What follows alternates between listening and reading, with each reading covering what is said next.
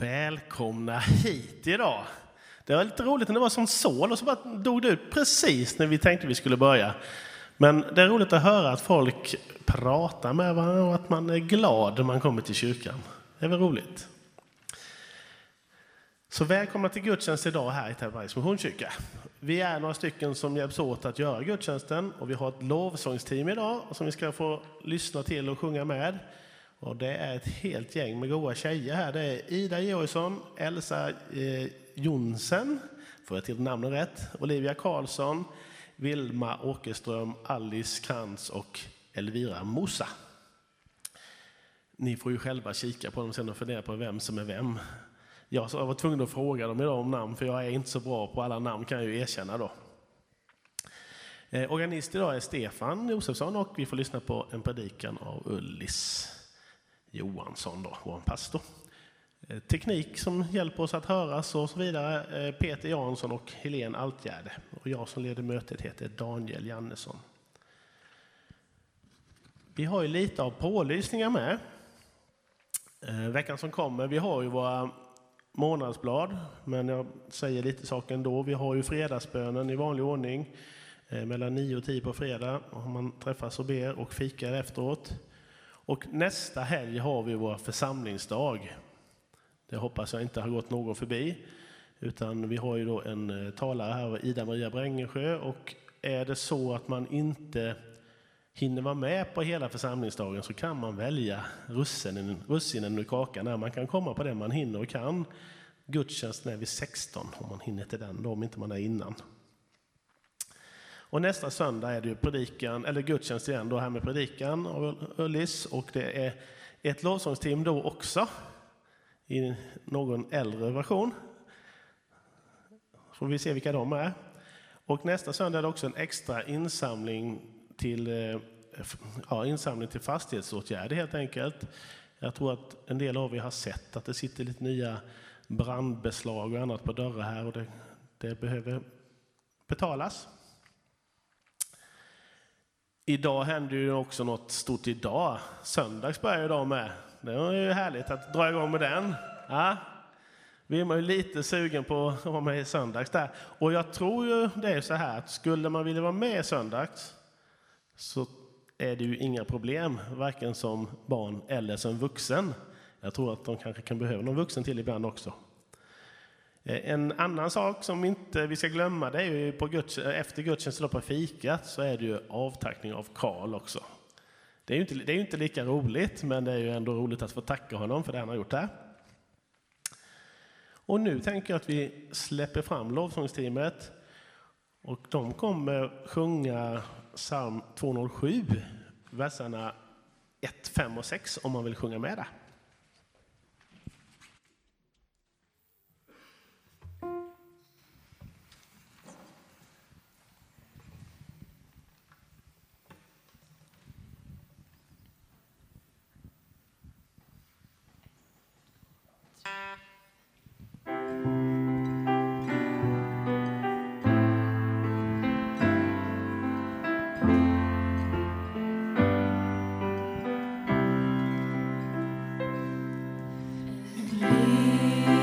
say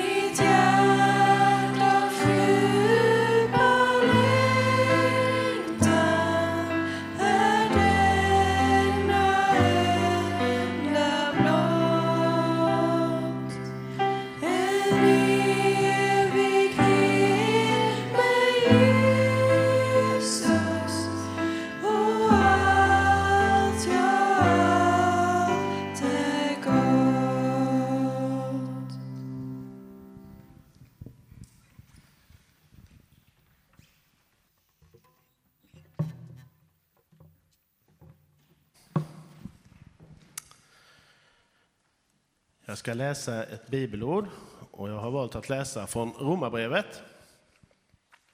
Från Romarbrevet 8.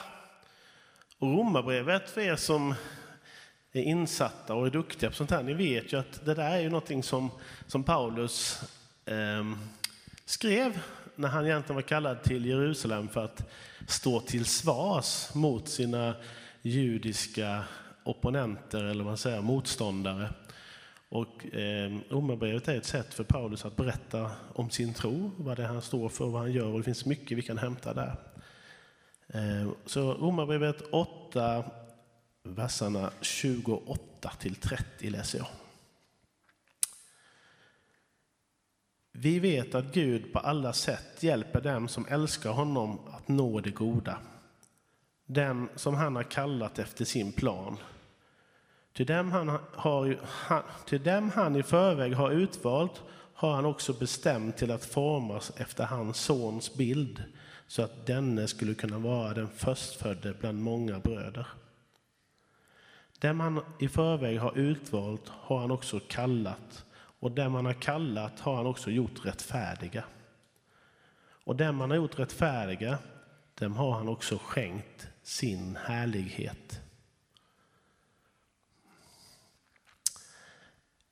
Jag har varit på lite konserter i sommar. Och den sista, eller senaste får jag nog säga, jag var på var förra helgen. Och det var en Carola-konsert i Vadstena kyrka, eller Vadstena kloster, eller slott, förlåt, Vadstena slott. Jag blev så otroligt fascinerad över x antal tusen människor som sjunger med. Du ser mitt hjärta, du ser min längtan att få lägga mitt liv inför dig. Fri och förlåten, jag sträcker mig framåt mot allt det som du har för mig. Och du vet att du är med mig varje morgon när jag vaknar och du står vid min sida och jag tänker aldrig någonsin att ge upp. Den här kören sjunger vi här ibland. Så länge jag lever, så länge jag finns kvar på denna jord. Så länge mitt hjärta slår vill jag leva för dig. Det är ett otroligt vittnesbörd som hon fick tusentals människor att stå och sjunga med i. Jag blev berörd av det. Och sen tänker man så här, ja det är ju Carola. Alltså, tusentals människor kommer ju för att lyssna på henne. Hon har ju en publik. Men jag tror att vi som, som kristna har många situationer och relationer där vi kan få vara tydliga vittnesbörd. Jesus är med oss i vardagen.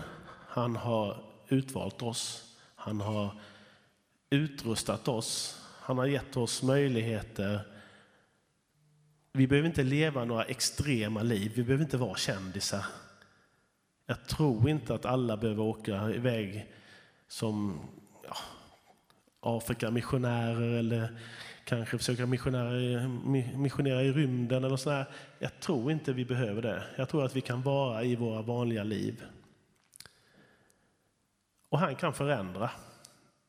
Han kan ta bort min egoism, han kan ta bort min lathet, han kan ta bort min... Eh, eh, ja, allt som tvivel och allt sånt som jag har. Och så kan han vända på det och göra det tvärtom. Han kan förvandla oss till motsatsen av allt det som är fel. För han har skänkt oss sin härlighet. Tack Jesus att vi får be till dig, att vi får lägga den här gudstjänsten i dina händer. Tack för varje människa som är här och att vi får betyda skillnad. Tack att vi är dina redskap, att du kan använda oss även om vi knappt själva vet om det. Amen.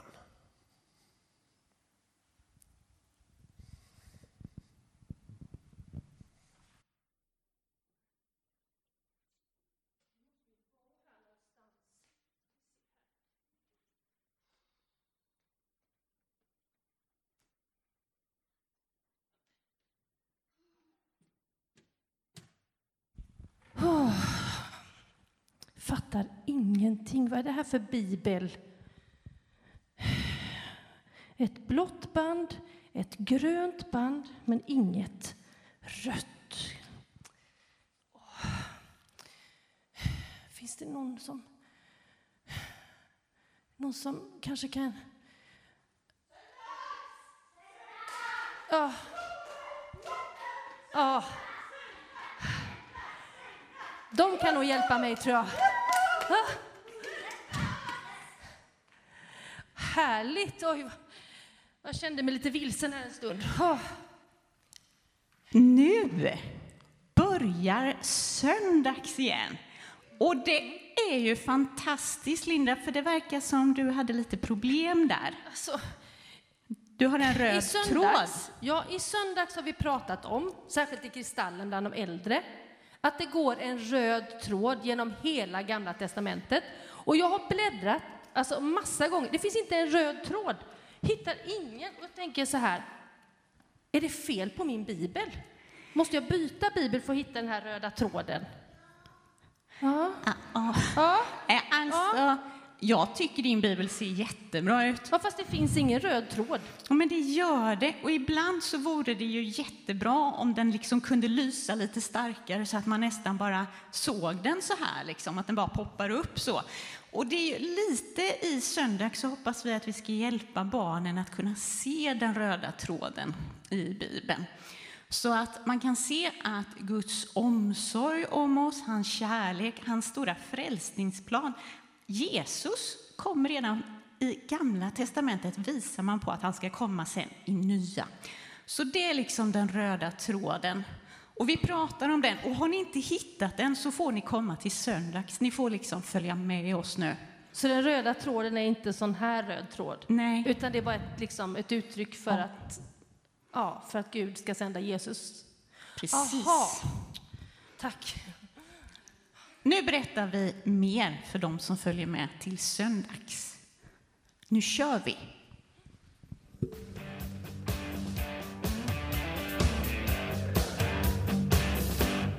Nu är vi på gång, på gång,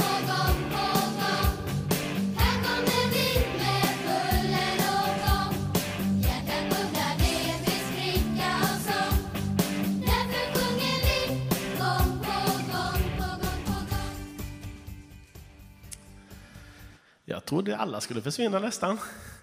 Man blir lite sugen. Kanske ha en, eh, en vuxen söndags ibland också. Nu ska vi sjunga en psalm tillsammans i alla fall. Och vi ska sjunga psalm eh, 254. Och under tiden där, eller om man då vill göra en insamling, så har vi ett swishnummer i vanlig ordning. Är det så att man vill lämna några kontanta medel eller så, så får man göra det vid utgången sen. Men vi sjunger i alla fall psalm 254 tillsammans.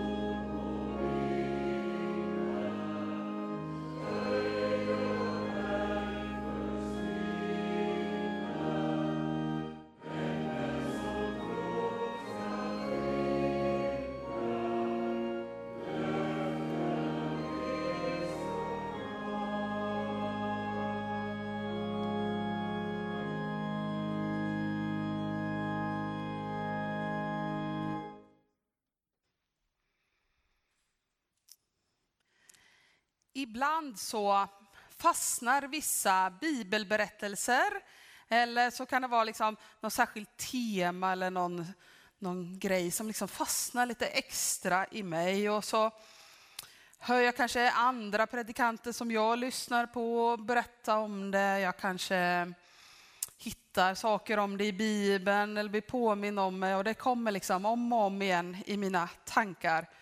Och då tänker jag att då är det väl någonting som Gud antingen vill mig eller vill att jag ska berätta för andra. Och ibland kanske både och, skulle jag gissa. Och en sån berättelse som har klistrat sig fast ordentligt hos mig i sommar, som jag tänkte att jag skulle dela med mig av idag, det är berättelsen om den barnlösa kvinnan Hanna. Som vi kan läsa om i första Samuelsbok kapitel 1 och 2. Och det är ju en kvinna som sen då blir mamma till profeten Samuel. Men innan vi går vidare så ber vi lite kort. Ja, herre, vi ber att du ska öppna våra ögon, öron och våra hjärta för det budskap du vill ge var och en av oss idag. Så ber vi i Jesu Kristi namn. Amen. Det berättas i Bibeln, där då, i första Samuelsboken, att Hanna hon är gift med en man som heter Elkana. Och förutom Hanna så har han även en hustru som heter Peninna. Peninna hon hade flera barn, men Hanna var i början av den här berättelsen barnlös. Men det berättas också samtidigt att Hanna var den som Elkana älskade mest. Även om det står att Herren hade gjort henne barnlös. Ofruktsam. Men Hannas rival då, Peninna, hon retade och förödmjukade Hanna om och om igen, hela tiden, ständigt, för att hon saknade barn. Så jag tänker att vi kommer ju liksom mitt in i någon form av svartsjukedrama där det pågår mobbing. Jag tänker att det är ganska lätt att dra berättelsen, paralleller till berättelsen om Abraham, Sara och Hagar när man läser den här berättelsen. För det finns ganska många liknande grundförutsättningar. Vi har liksom i bägge berättelserna en eh, kvinna som är, kämpar med barnlöshet. Vi har rivalitet mellan kvinnor och kanske lite fega män, i alla fall genom mina ögon så är de det. Men också så i slutet av de här berättelserna så är det väl så att de här kvinnorna som tidigare varit barnlösa, när de får barn så är de kanske inte 100% klädsamma tillbaka till den som är den andra parten av kvinnorna där. Men det berättas i den här berättelsen om Hanna att varje år så tog liksom Elkana med sig hela sin familj och sen så drog de iväg till Silo eller Kilo, jag vet inte riktigt hur man uttalar det. Eh, jag säger Silo även fast det får mig att tänka på något helt annat. Det var i alla fall platsen där liksom tabernaklet som man ju hade, hela Israels folk hade tagit med sig runt på hela ökenvandringen och satt upp lite här och var. Det stod uppställt där nu. Så. Och det var dit man gick för att tillbe och få offra till Herren Sebaot. Och när de gjorde det, ja, då fick ju Peninna och hennes barn, då fick de liksom flera delar av offerköttet som man höll på med på den tiden. Medan Hanna, hon fick ju bara en enda liten bit. Och varje gång där då så blev Hanna hånad av de andra för det här, att hon inte kunde offra lika mycket. Vidare så står det att Hanna då grät och inte ville äta och då sa hennes man Elkana till henne, varför gråter du Hanna? Varför äter du ingenting? Varför är du så sorgsen? Ja, är inte jag mer för dig än tio söner? Och det tänker jag, det, det, för mig symboliserar det att Elkana inte riktigt har liksom förstått Hannas sorg. Kanske är han lite egoistisk, rätt så tafatt i sina försök att trösta Hanna där. Deras kärlek till varandra den tog ju inte bort den sorg och saknad och smärta som Hanna levde med varje dag för att hon inte hade några barn. Och jag vet inte om det var Kanas brist på empati eller om det var Hannas stora tro eller någonting annat som gjorde att hon i alla fall vände sig till Gud med det här. Och I första Samuelsboken kapitel 1, vers 9-19 står det så här. Efter en offermåltid i Silo trädde Hanna fram inför Herren. Vid dörrposten till Herrens tempel satt prästen Eli på en stol. I sin sorg bad Hanna till Herren och gråtande gav hon honom detta löfte. Herren Sebaot, om du ser till din tjänarinnas nöd och vill ta dig an mig, om du inte glömmer bort mig utan skänker mig en son, då ska jag ge honom åt Herren för hela livet. Och ingen rakkniv ska någonsin vidröra hans huvud. Hon bad länge inför Herren och Eli satt och iakttog hennes läppar. Hon bad nämligen tyst för sig själv och rörde läpparna utan att orden hördes. Eli trodde att hon var berusad. Hur länge ska du bära dig åt så här, sa han. Se till att bli av med ruset. Men Hanna svarade, nej herre, jag är en ordentlig kvinna. Vin och öl har jag inte druckit, men jag har burit fram mina sorger för Herren. Tro inte att jag är en dålig människa. Hela tiden var det min sorg och förtvivlan som fick mig att tala. Då sa Eli, gå i frid. Israels Gud skall ge dig vad du har bett honom om. Hanna tackade vördnadsfullt och gick sin väg. Sedan åt hon och såg inte längre sorgsen ut. Elis reaktion kan man ju sådär som pastor tänka att ja, han kanske inte hade det bästa själavårdstaktiken eh, liksom inkopplad i det där bemötandet. Att anklaga någon man möter i en utsatt situation för att vara berusad när de dessutom inte är det, nej. Nja, den, den skulle jag nog låta bli att testa själv, tänker jag. finns nog bättre sätt att bemöta sina medmänniskor på. Men jag tänker att vi kan ju lära oss av Elis misstag att, att vi heller inte alltid vet vad som pågår inom människor när vi möter dem. Kanske behöver vi en gång fråga, hur är det? Och förväntas oss, oss att ta emot ett ärligt svar. Och framför allt så tänker jag att vi ska vara väldigt vaksamma på att inte döma varandra. Men samtidigt så verkar det ju som att e- Eli räddar ju situationen ganska bra där. Liksom så. För hans svar på Hannas respons får ju ändå Hanna att känna sig sedd och hörd och, och hon går gladare därifrån. Och Hanna, hon blir bönhörd. Inom kort, eller jag skulle gissa typ nio månader då, eh, kommer hennes barnlöshet att vara över och hon får en son som de gav namnet Samuel. För som det står, jag bad Herren om honom. Jag antar att ordet eller namnet Samuel betyder någonting i det hållet då. Hannas liv gick från sorg till glädje. För hennes tidigare ofrivilliga barnlöshet, den hade ju varit problematisk. I hennes kultur sågs det som ett straff ifrån Herren Gud. Och det skiner igenom i vissa formuleringar som finns i den här bibelberättelsen. Dessutom så skyllde de alltid barnlöshet på kvinnan. Mannen kunde ju aldrig ha några problem. Men tänk att vara barnlös är kanske inte så enkelt i vår kultur heller. Och kanske särskilt inte inom frikyrkan där det är ju väldigt mycket normen mamma, pappa, barn som är liksom stadigt. Men det finns ju många som kämpar med att få barn, som kanske aldrig lyckas, eller sådana som jag som inte har någon att göra dem med. Men Hanna hon fick alltså ett barn. Och det året då följde inte Hanna med till Silo för att be. Hon berättade då för Elkana, jag väntar tills pojken har blivit avvand, det vill säga att jag inte behöver amma honom längre. Då kan jag ta med honom och då ska han träda fram inför Herren och stanna där för all framtid. Det där var ett ganska mäktigt besked som Elkana verkar ta med ganska lugn och ro. De hade ju säkert snackat om det innan, tänker jag. Men Elkana konstaterar liksom, gör det som du finner bäst. Vänta tills han är avvand. Må Gud låta det bli som du har sagt. Han verkar liksom införstådd och, och, och var med på det här löftet som Hanna hade gett till Gud.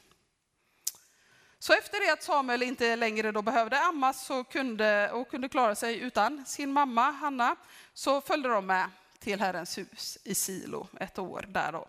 Han kanske var två, tre år någonting då.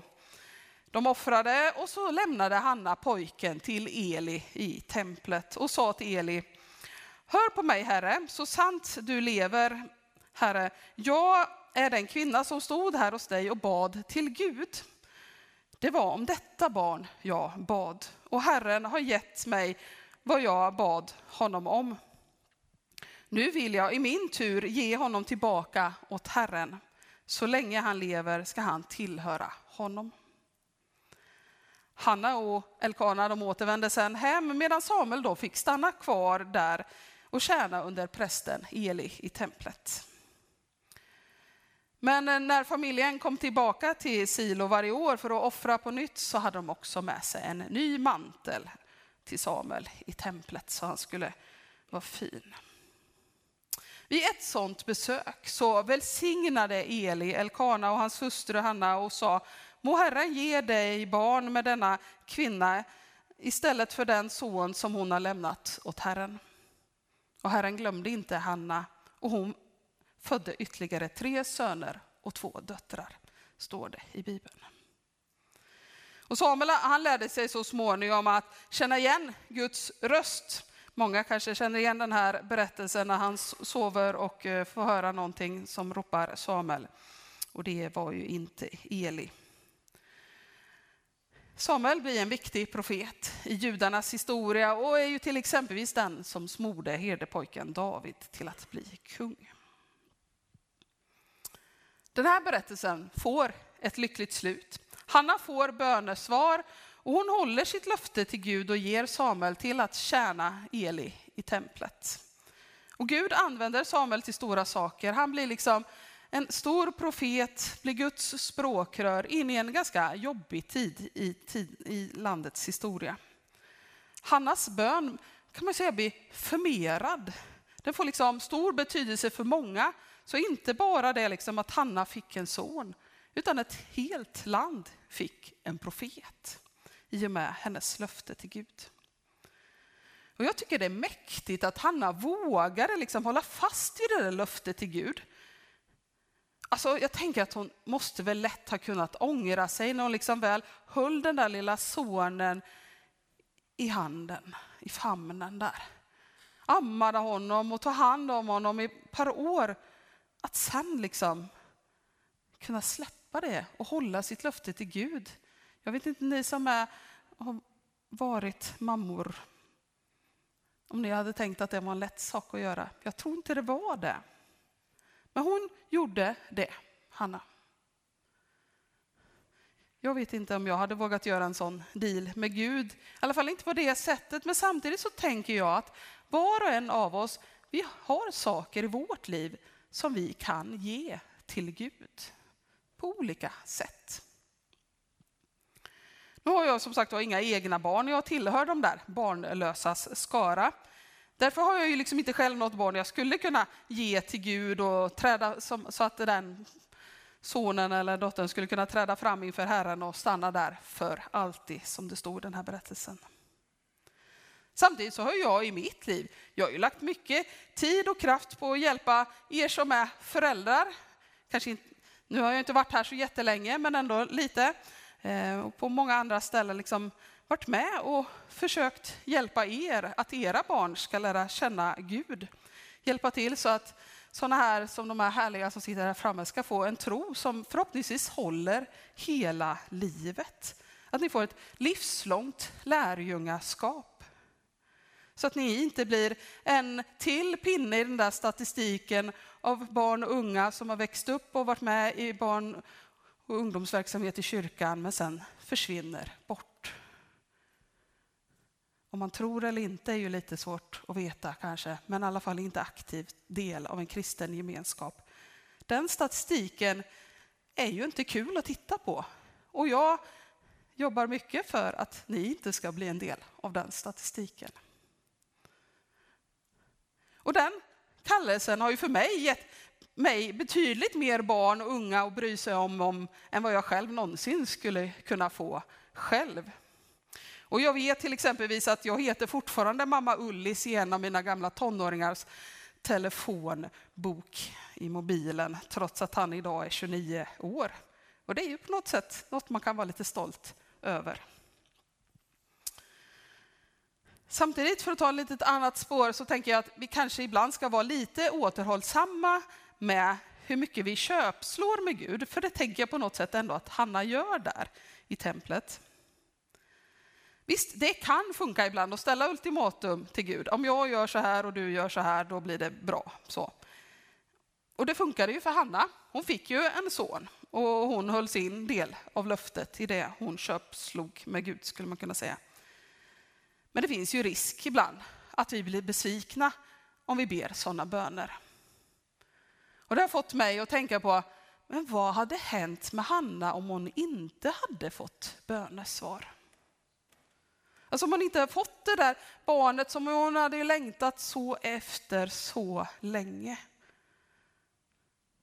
Och det var ju säkert inte första gången hon bad till Gud heller om det, antar jag, när hon var där i templet. Hade hon blivit sur? Hade hon blivit bitter? Hade hon fortsatt och inte ätit och inte alls mått bra? Nej, jag tror faktiskt inte det. För det känns som Hanna ändå står ganska trygg i sin tro till Gud. Hon vågade ju till exempel blotta sina sorger inför Gud. Hon var helt ärlig och även om hon kanske inte riktigt formulerade högt med ord så gjorde hon ju det inombords när hon rabblade sin bön inom sig. Så jag tänker att Hanna med sin bön visade att hon vågade lita på Gud. Annars hade hon nog inte gjort den liksom dealen med Gud.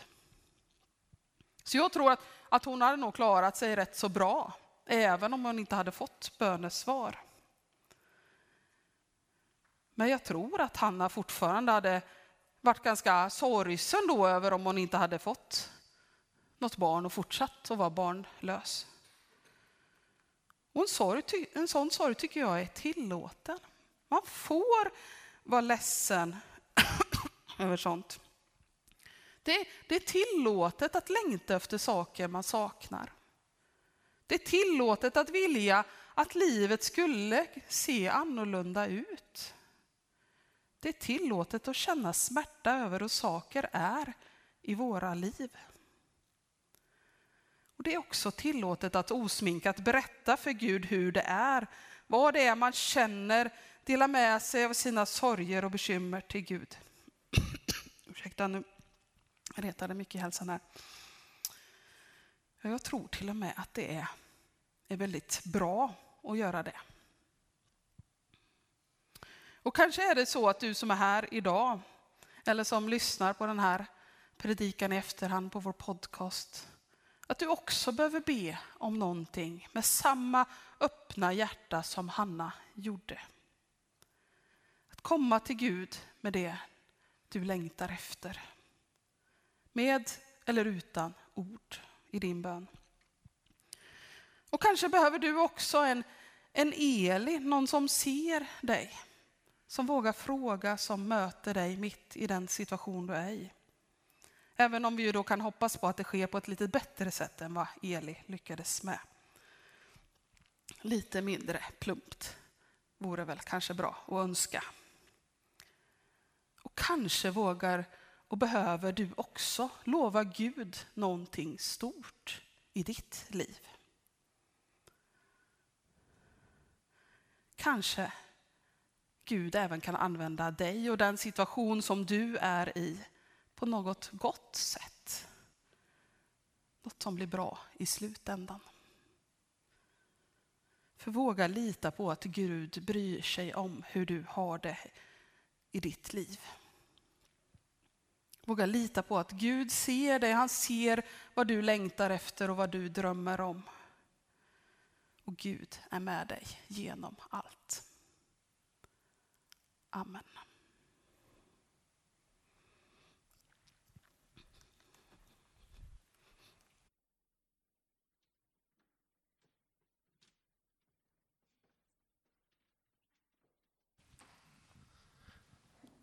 Tack Gullis. Vi ska fortsätta att sjunga tillsammans och vi ska sjunga psalm 834. 834 är en av de här Taizé-psalmerna som finns i vår psalmbok. Och då tänkte jag att jag ska berätta lite om Taizé. Taizé är ju en ort i Frankrike där man, eh, några bröder började hjälpa egentligen krigsoffer och flyktingar och så vidare. Och grundaren som då hette Broder Roger, han uppmanade att be. Men han uppmanade inte att be så att andra skulle ha ont av det. Eh, så hans sätt att be var att gå och sjunga i skogen. Så han gick och sjöng lovsång i skogen. Och eh, så finns det då en, eh, han som har skrivit den här salmen, nu kan jag ingen franska, så jag säger att han hette Jacques Batnier eller något sånt. Han är född 27 juni 1923 och han dog 1994 i Paris. Han är, eller var då en koralkompositör och en god vän till, till den här eh, kommuniteten i Taizé. Så han står som kompositör till de flesta av deras eh, Taizé-sånger. Och oftast grundas de här sångerna på en kort bibeltext eller en, ett kort bibelstycke eller en fras eller så. Och han har skrivit egentligen i två omgångar eh, sånger hit. Då. Jag tror att första gången var 1955 och då var de 20 bröder och sen eh, 1975 så skrev han också mycket musik till dem och då var de betydligt fler och mycket unga människor. Men han jobbade sen också då som, ja, under 20 år, eller egentligen mer än 20 år. Han jobbade som kyrkomusiker i Paris och eh, dog 1994 som sagt var. Och den här salmen vi ska sjunga nu då är skriven ett år innan han dog och bygger på Psaltarpsalmen 130. Ehm, så vi ska sjunga 834. I min Gud har jag funnit styrka. Och efter det så blir det mer lovsång.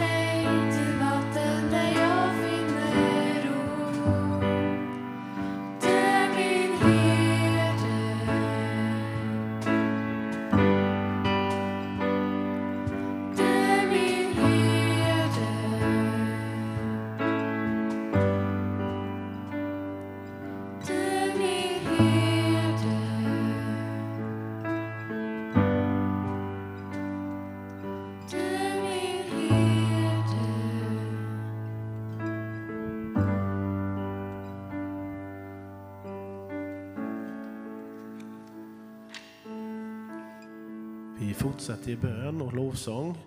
Ehm, vi har ju en bönekalender och den här veckan då, som kommer, vecka 34, så ber vi för basgrupp 9. Vi ber för församlingsdagen som är nästa helg. Vi ber för skolstarten som är för många den här veckan. Och vi ber för, för aktuella saker i vår värld. Det är fortfarande så att, att det pågår krig i vår närhet.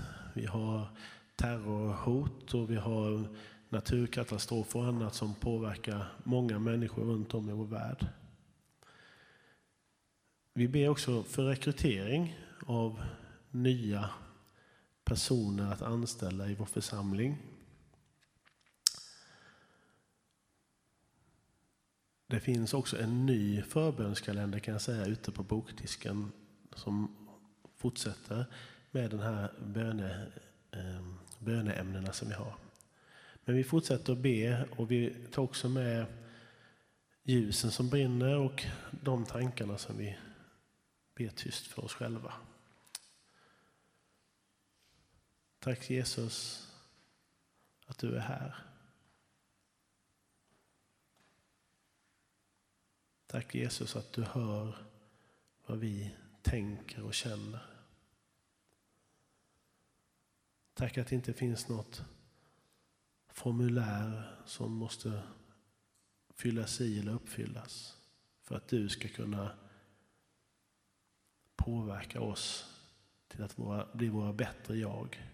Att vi ska bli mer lika dig. Vi ber för situationerna som finns i vår omvärld runt omkring med oroligheter, människor som far illa, som får fly. Vi ber om, om styrka och mod att kanske möta en ny skolstart. Där barn kan känna oro för att få kanske börja ett nytt, en ny klass eller gå en ny skola eller bara komma tillbaka till, till en miljö som är tuff för många. Vi ber för lärare som ska vara där och ta emot och, och stötta.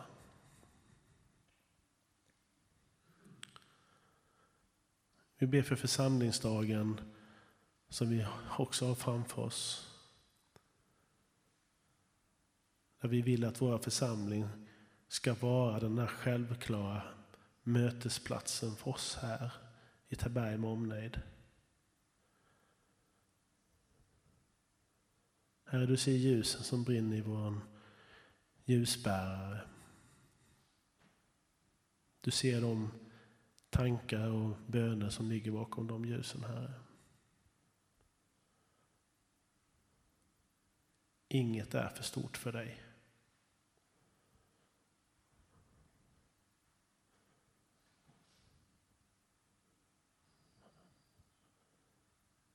Vi sjunger vidare i en lovsång till.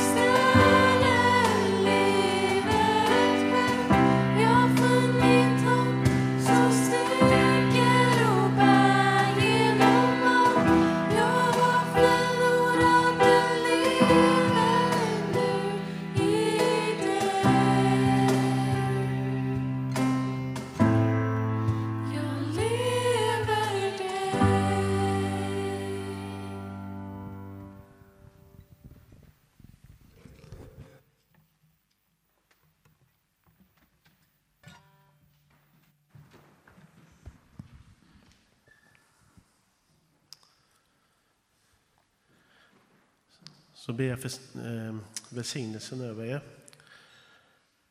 Herren välsigna dig och beskydda dig. Herren låter sitt ansikte lysa mot dig och visa dig i nåd. Herren vänder sitt ansikte till dig och ger dig fred.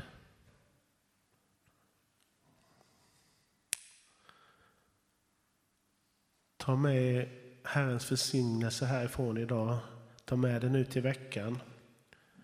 Vi avslutar gudstjänsten med att sjunga psalm 211 tillsammans. Och sen får vi fortsätta gemenskapen ute i, i fika-avdelningen. Psalm 211.